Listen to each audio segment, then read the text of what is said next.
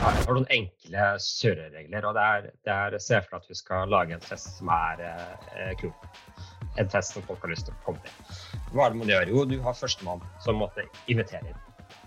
Eh, det som gjør bare å sette tonen, altså, ha en idé om hvordan festen skal bli. Og så har du de første som kommer inn døra.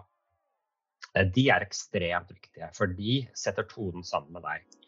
Ideelt sett burde du velge ut hvem de er, av litt strategiske hensyn, for at de setter kulturen sammen med deg. Så de første, de første fem da, må du måtte håndplukke og, og, og, lære opp i den kulturen som du vil ha. Så, sånn skal det være her. Så her skal alle le. Altså, her skal du ikke si et stygt ord. Altså, hvordan enn kulturen du vil skape i dag. Og, og din jobb som førsteperson er å lære opp de neste si fem.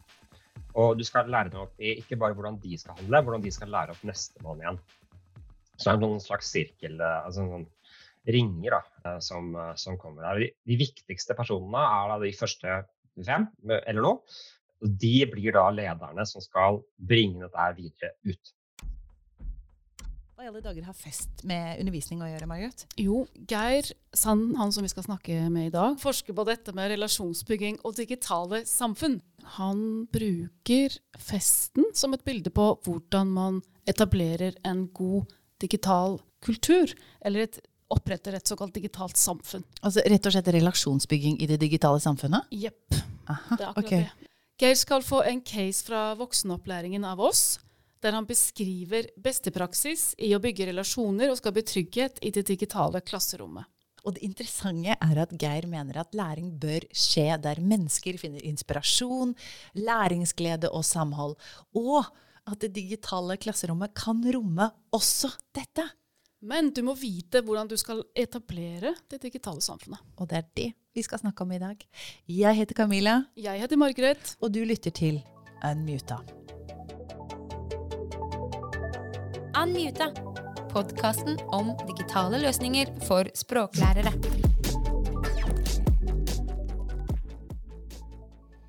Hei Geir, takk for at du stiller igjen. Du var jo med oss i episode én der du snakket om pålogga, koronadugnaden for digitale lærere, som du var med å starte opp i mars i fjor. Men vi ble liksom ikke helt ferdig siste gang. Vi intervjuet deg. Ja, det var voldsomt, jeg. Tusen hjertelig takk for at du stiller igjen. Jo, bare hyggelig. Og i dag skal vi snakke om festen og det digitale samfunnet. Ja. Hvorfor er digitale samfunn viktig, og hva legger du egentlig i ordet digitalt samfunn? Hvorfor det er viktig? Jeg kanskje begynne med hva det er for noe. da. Det jeg mener med det digitale samfunnet, er jo det stedet man møtes på når man ikke møtes face to face. Altså du har I klassen så har du klasserom. Der er det jo naturlig at man er noen ganger, når, man, når man kan. Men når man, ikke, når man, ikke, er der, så gjør man det fortsatt noe retta mot skolen. Om det er lekser, om det er uh, undervisning eller et, et, eller annet. Og man, når man ikke har mulighet til å møtes face to face, så er man et annet sted. Eller man må etablere et annet sted. Og det er det samfunnet jeg mener da med digitale samfunnet. Hvorfor det er viktig, er jo åpenbart at utdanning er jo ikke bare når man møtes, men det er jo, det er jo dratt til at det er jo egentlig hele tiden. Det, læringen skjer jo alltid, så da må, man, da må man etablere det digitale også, da. Samfunnet. Kan du utdype det litt? Altså, Læring skjer alltid. Hva, hva, tenker du på da? Når man lærer er jo når man har hodet på en plass hvor, hvor man er klar for å motta læring. Eller for å, for å få, inn, få, inn, innsikt. Og det kan jo være på alle andre tider enn når man, når man bør og man altså, snakker om å gjøre lekser, så er man jo en læringssituasjon og vil gjerne koble seg på, på nett. Så snakker eh, studenter, da, høy, enkelte høyere utdanning, hvis vi skal plassere oss der, så er det jo åpenbart at det er jo nesten en trend at man møter ikke opp når man, når man må, men man gjør, man gjør, undervisningsrelaterte læringsaktiviteter når man har tid, eller når man har lyst. Nærmere eksamen, f.eks. Snakker om sånn adhoc-læring. Liksom. Nå er jeg klar for å lære. Nå er jeg klar for å gjøre noe. Da, da må jeg ha tilgang på det digitale samfunnet mitt, det digitale classroomet mitt også. Jeg synes det er så åpenbart at det er et digitalt som er i en, en uh, sammenheng med det fysiske rommet. Da. Okay.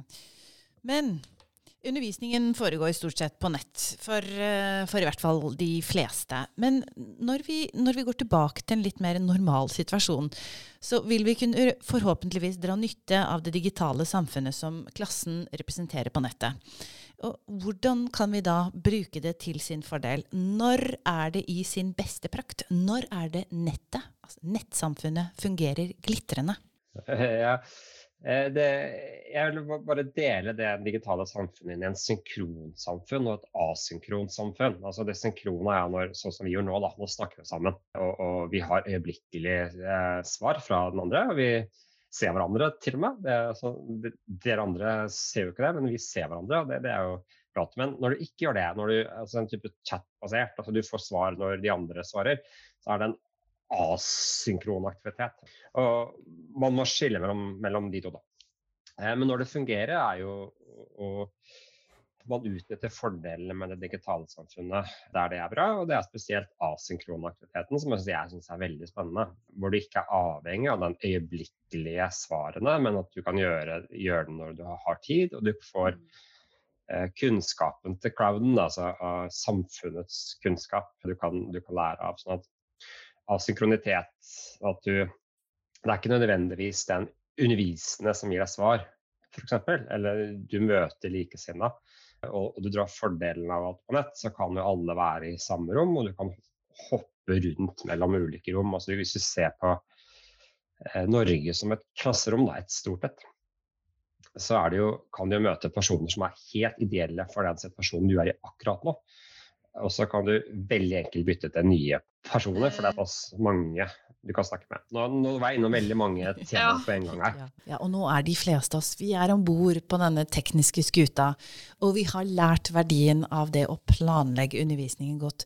Men hvordan skal vi videre? Er, for å holde oss på festen, da, kan jeg si at eh, ja, nå har du klart å sende inn brev og få folk til å komme på din fest, men det er ikke sikkert at festen har vært så fryktelig bra for det kan gjøre en kulere fest neste gang. Eh, du kan lage temafest, og du kan, lage, du kan, du kan gjøre det på en annen måte. Så, så, selv om du klarer å sende det brevet, da, så, så, er du kanskje ikke ferdig. Det er samme som at en lærer er jo ikke ferdig lærer. Det er jo masse nytt man må, man må, man må gjøre. Men kanskje du har lært å logge deg på Zoom, eller klart å komme deg inn på Teams. Det er et premiss for å kunne gjøre noe på nettet. Så hva er det vi må kunne når det gjelder dette med relasjonsbygging? Hvilke snublehull må vi være obs på, slik at det blir best mulig? Hva er det vi må vite? I forhold til digitale læringssamfunn så er det mange utfordringer som folk har begynt å se. At vi ser at noen sier at åh, jeg kan nås hele tiden. Jeg er så sliten av folk sine meldinger på natta til meg. Jeg vet ikke om jeg skal koble av. Hvordan får jeg svare hverandre, ikke spørre meg hele tida? Hvordan vet jeg hvem som ikke er der? Altså, det er jo et stort tema om at uh, elevene har svarte skjermer. Hvordan får jeg de til å bli trygge nok til å faktisk sette på kameraet sitt? Det er utrolig mange dypt du kan gå, gå i dette her. Så hvordan skal vi få til god relasjonsbygging som ikke går på bekostning av lærerens fritid? Og er egentlig alle egnet til å være i den digitale undervisningssfæren? Ja, det evigvarende spørsmålet ja. i digitale hvordan skaper du engasjementet, og hvordan får elevene til å lære av andre elever? Det er jo den holy grail som måtte ha vært der hele tiden, som alltid får bli der. Um, men det, det jeg kanskje er litt opptatt av i ditt tema, er kanskje hvem som skal gjøre hva. Jeg mener ikke at vi skal behandle andre lærere som en lærer som skal gjøre alt. Det er ulike mennesker der også.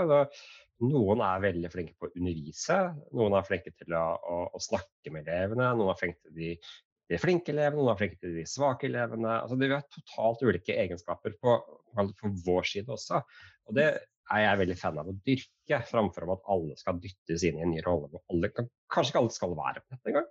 Kanskje noen bare skal gå rundt og snakke med de fysisk og, og ha klasseromsdelen, mens andre skal ha nettdelen eh, og, og, dyrke der. Det, så jeg vil heller ha den aspektet av, av uh, diskusjonen enn en måte at alle skal følge en sånn slags opplæringsmål om hvordan man skal gjøre ting på nett ideelt sett kasta ut halvparten av lærerne på nett og, og gjort, latt de gjøre det de ellers gjør, og latt den andre halvparten bare være på nett. Ditt uh, sidespor der, jeg jobba litt med noen større skoler hvor det var flere campuser og store fag, altså typisk flere tusen i ett fag. Hvor de tradisjonelt sett da delte opp dette her i 15 klasser.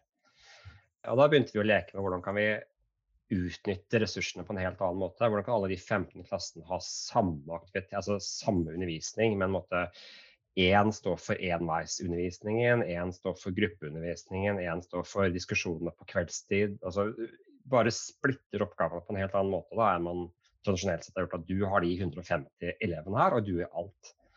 Og snur det rundt og sier at du har all én-til-én-undervisningen om dette temaet. Du har, du har all én-til-mange-undervisningen om dette temaet. Og da plasserer man mennesker ut fra hvor de er gode, da. ok, ok. Wow. Ja, men hvis vi nå skal gjøre det litt konkret. Og vi skal bruke voksenopplæringsscenarioet som et eksempel på hvordan man kan bygge relasjoner på nett.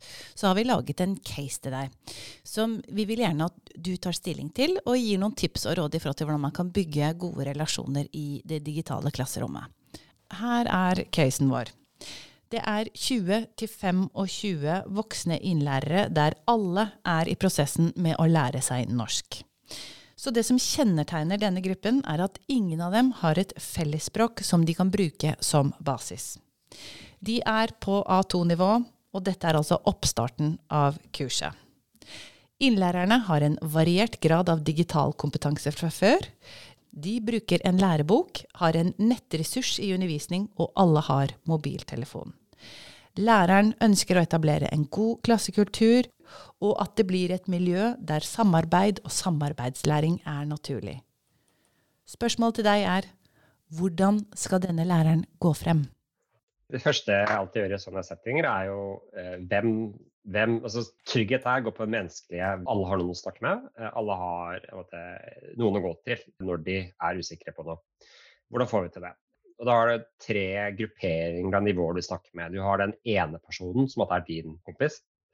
Og så har du gruppa di, som du kan kanskje diskutere litt med hvis det er noe. Og så har du hele klassen. Så her vil jeg antageligvis begynt med å ikke tenke på faglige, men tenke på de relasjonene som skal bli etablert. Så i starten kanskje prøvd å matche de én til én. Sørge for at alle har én trygghetsperson som er en likeverdig, altså en student.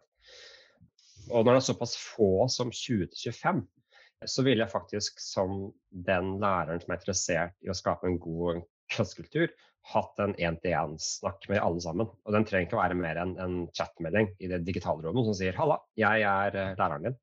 Hvis det er noe, så vet du at jeg er her. Her er det bare du som ser det, det, det jeg skriver.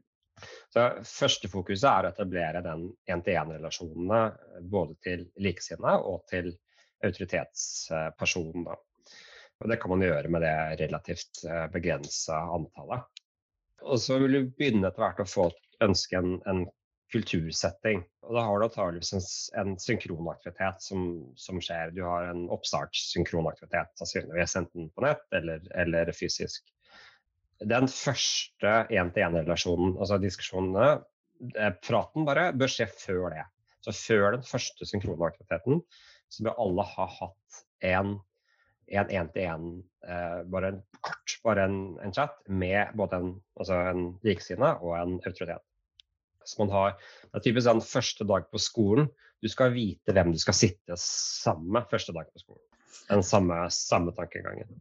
Den følelsen av å gå i et rom, og så er du helt ny, og så tror du at alle kjenner alle, og så er du den eneste som ikke kjenner noen. Og så tenker du hvor skal jeg sette meg nå for at jeg ikke lager for mye støy?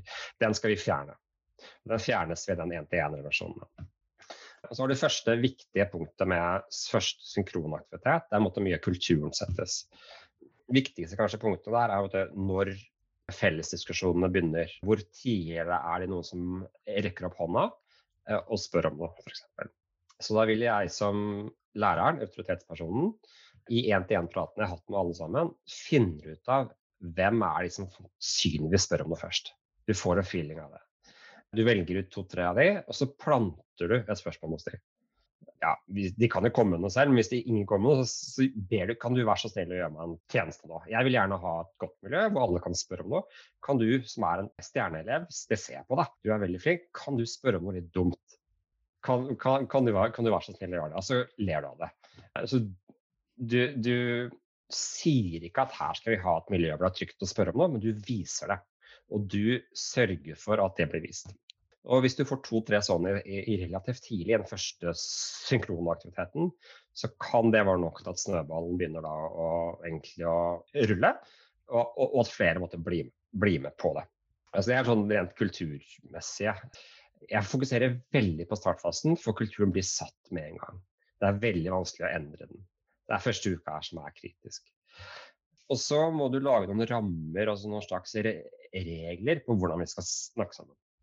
Hvordan skal ikke aktiviteten her være? Og der, der, der er nøkkelen til at du unngår den der at folk spør meg hele tiden. Jeg blir helt matt at de spør meg, spør meg hele tiden. Den må du løse helt fra starten av med det regelsettet ditt. Så da kan man si OK, jeg svarer hver mandag klokken tolv, eller jeg svarer hver dag klokken fire. E-, etter fire så er jeg sammen med ungene mine, så vær så snill å holde dere unna da. Men det er samme hva slags regler det er, bare du setter de, og de, de blir akseptert stort sett hvis det er tydelig. Men de må sammen med regelsettet, så må det gå at du gjør et litt sånn ekstra innsats. OK, dette er reglene. Jeg vil veldig gjerne at når dere spør, så spør dere i klasseprøve først. Altså der hvor alle er. Hvis det er noe til meg, så, måtte, så, gå, så spør meg hit, så svarer jeg en eller annen gang. Men i tillegg, hvis du har litt goodwill, så sier du det er reglene. Men vi begynner med det uke to. Uke én, go wild. Jeg skal være nødt til å svare hele natta hvis dere vil. Altså, du bare legger inn masse som viser at jeg trykker på. For det er grunnen til det at du kan, da bygger du deg goodwill som du kan, du kan hente inn etterpå. Og du, hvis du kommer i uke tre, da, så er det gått litt skeis. Så har du sånn Da har du lagt inn du, Kjære elev, jeg hjalp deg jævlig mye i uke én. Nå må du gjøre noe for meg. Altså, du, du måtte kan hente det inn igjen. og da, ideelt sett da, så bygger du kultur fra uke én. Altså fra uke to så er rutinene i gang. Og da kan forhåpentligvis elevene gjøre mye alene i den kulturen som er satt da, i det klasserommet 2025. Så kan de hjelpe hverandre eh, i ganske stor grad. Det er røftlig uansett nesten caset eller, eller, eller, størrelsen, så er det en, en mulighet å gjøre det på. Men da, hvis, det, hvis, man skal gjøre det, så må man vite at det er litt jobb før første synkronaktivitet. Og det er litt jobb uke én, men så går jobben betydelig ned etterpå. Du må i en måte investere for å få til det.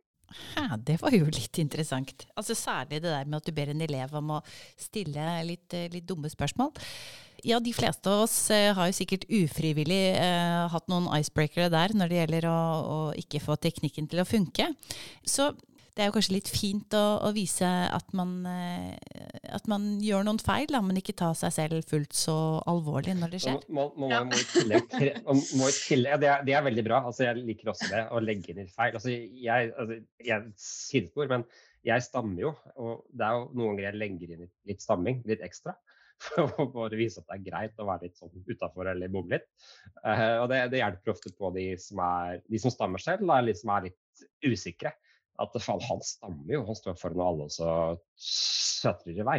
Da må jeg kunne klare det. Men, men i tillegg da, så må man, måtte, man må trene opp til atferd og vite hva du skal gjøre. Altså, man sånn forståelse av hva skal jeg gjøre for noe. En, en måte å gjøre det på er at du i tillegg til å si at lyden funker ikke, eller jeg stammer, eller, eller så kan du si at jeg fikk et spørsmål på DM her, som bare ble sendt til meg. Det er følgende. Sånn at du legger inn som om det er noe som noen andre hadde spurt som kan være et dumt spørsmål. da. Det kan være reelt eller ikke reelt.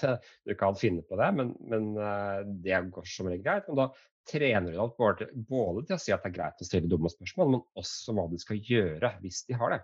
Så de har forståelse for at neste gang jeg har et dumt spørsmål, ja, da, da, vet jeg at jeg kan stille det rett dit. Og så kan man uppe det litt. Måtte få en sånn mellom. Hvis ikke du vil ha spørsmål på deg, kan du la utnevne en person da, til å være den som går en via-personen, eller gruppene som etter hvert begynner å komme. Så ja, fra gruppe fire så hadde du noe spennende. Eller representanten fra gruppe fire var det dummeste spørsmålet dere hadde i, i, i deres gruppering. Eh, da er det ikke enkeltpersonen som har det, men da er det gruppa som, som har det, og som sammen kan det. Igjen, da er det individet som hadde, hadde, hadde spørsmålet mister jo frykten for det er, det er ledd av den lille gruppa også. Det er vi som gruppering på fire-fem stykker som faktisk syns det her var litt gøy. Og da blir den ene litt altså den ene blir en del av en gjeng, og det er mye tryggere enn å være den enkeltpersonen. Det er jo troen jo, det er altså troen da på at læringsinnholdet finner man det fram til uansett. Hvis man er motivert, man forstår veien, altså hvor festen skal ende eller målet, og man er trygg, så finner man ut av resten. altså LMS er strukturert litt dårlig, eller uh, whatever, liksom, så er det sekundært. Det klarer man. Og å ha tilgang til alle internettressurser med, med, fakta og videoer og sånt hvis man trenger det. Så hvis ikke læringsinnholdet ikke er bra nok, så det, det, det ordner seg. Okay. Men eh, jeg tenker også litt på digitale verktøy. Er det noen, eh, er det noen plattformer som, du, som, du, som, er spesielt godt egnet? Er det, er det, sekundært? Har du lyst til å si noe om, om akkurat det? Absolutt sekundært. Eh, plattformdiskusjonene syns jeg er tåpelige å ha for tid. Man kan få til bra kultur i så å si alle. Så det er ikke ikke, ikke viktig, mener jeg. Og det er, det er, det er så stort tema, og, og, altså, som er betydelig større enn det, enn det burde være. Men eh, det man må vite i plattformdiskusjonene, er at det er to behov eh, som krever to ulike steder. Det ene er filbiblioteket, eller mest der vi finner informasjonen. Og det andre er der samtalene skjer. Det er to ulike steder, og det de, de skal ikke være det samme. Men man velger seg ett et sted for hver av de.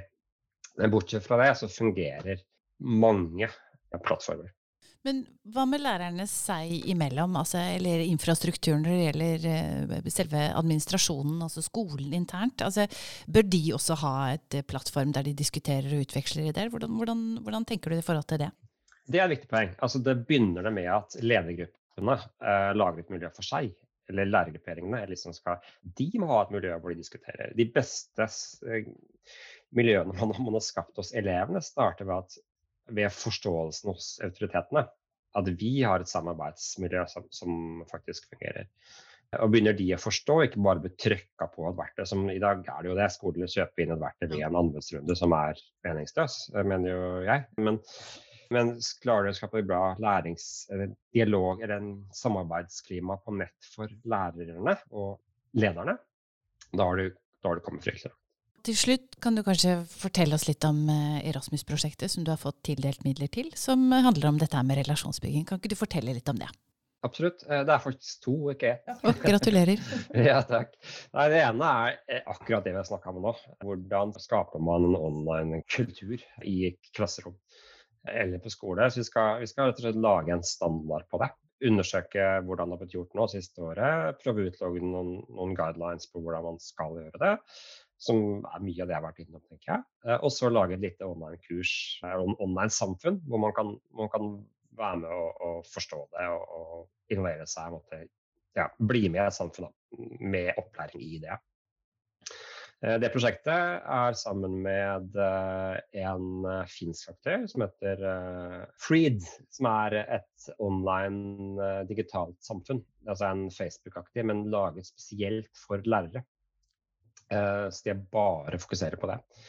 Så de har veldig mye innsikt i det, både fra teknologisiden, men også fra praktisk side. Og så har vi samarbeid med en, med en nederlandsk thought leader, for å kalle det det, som er mye ute og snakker om, om digitale verktøy i, i, i skole. Så vi tre skal måtte prøve å, å, smelle sammen noen tanker på det. Så der kan alle bli med som uh, vil det. Både å være med å se standardene, det blir jo åpent delt. Prøve å lage det forståelig, de, de standardene som er, og, og, dele det til alle som vil. Og også bli med på det samfunnet da, i Freed, da, med hun nederlandske som skal styre det. Festen er et veldig bra bilde på det å bygge samhandlingskulturer på nett. ja, for man skal jo ha det gøy, være trygg og møte andre mennesker. Men er du klar nå, Camilla, til å bygge et digitalt samfunn på nett? Ja, jeg skal definitivt teste ut dette neste gang jeg starter et nytt kurs. Oh yeah. Ja, Hvordan går vi frem? Ok, uh, Først og fremst så må jeg tenke tredeling av klassen. Ja, det er kompisen, gruppa og hele klassen. Altså Kompisen det er at, at du prøver å se, liksom, se, til at alle har en, i hvert fall én person å, å, snakke med. Og så gruppa er da Du kan etablere noen sånn samarbeidsgrupper eller noe sånt i starten.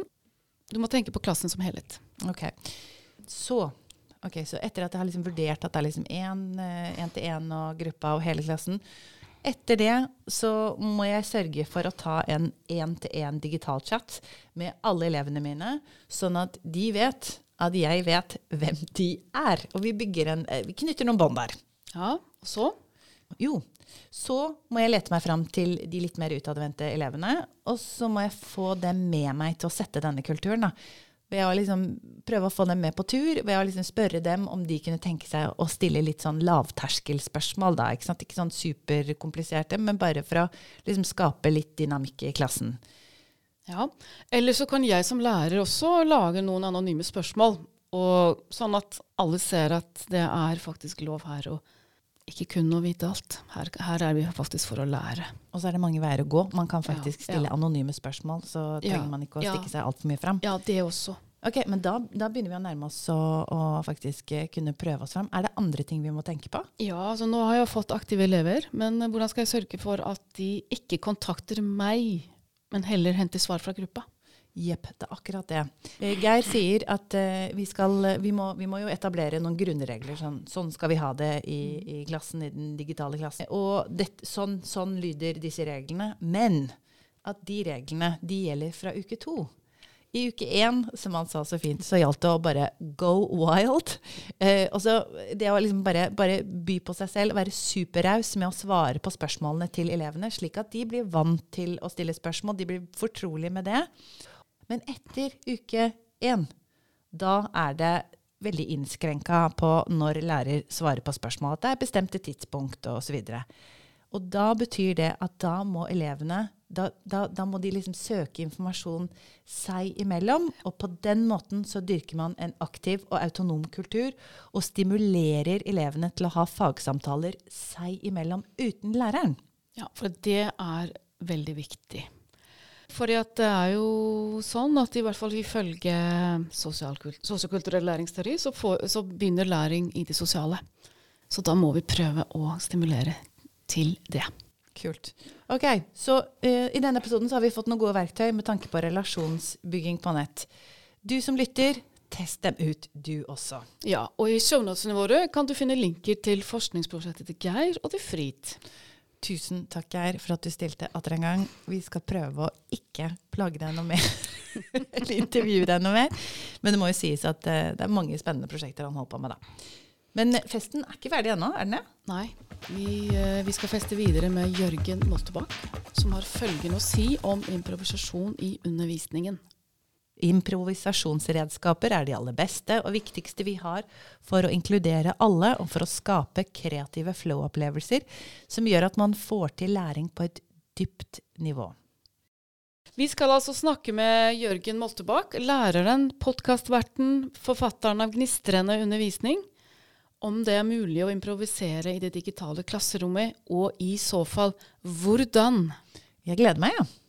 Ja, festen er ikke slutt, altså. Vi gleder oss. Vi er tilbake om to uker.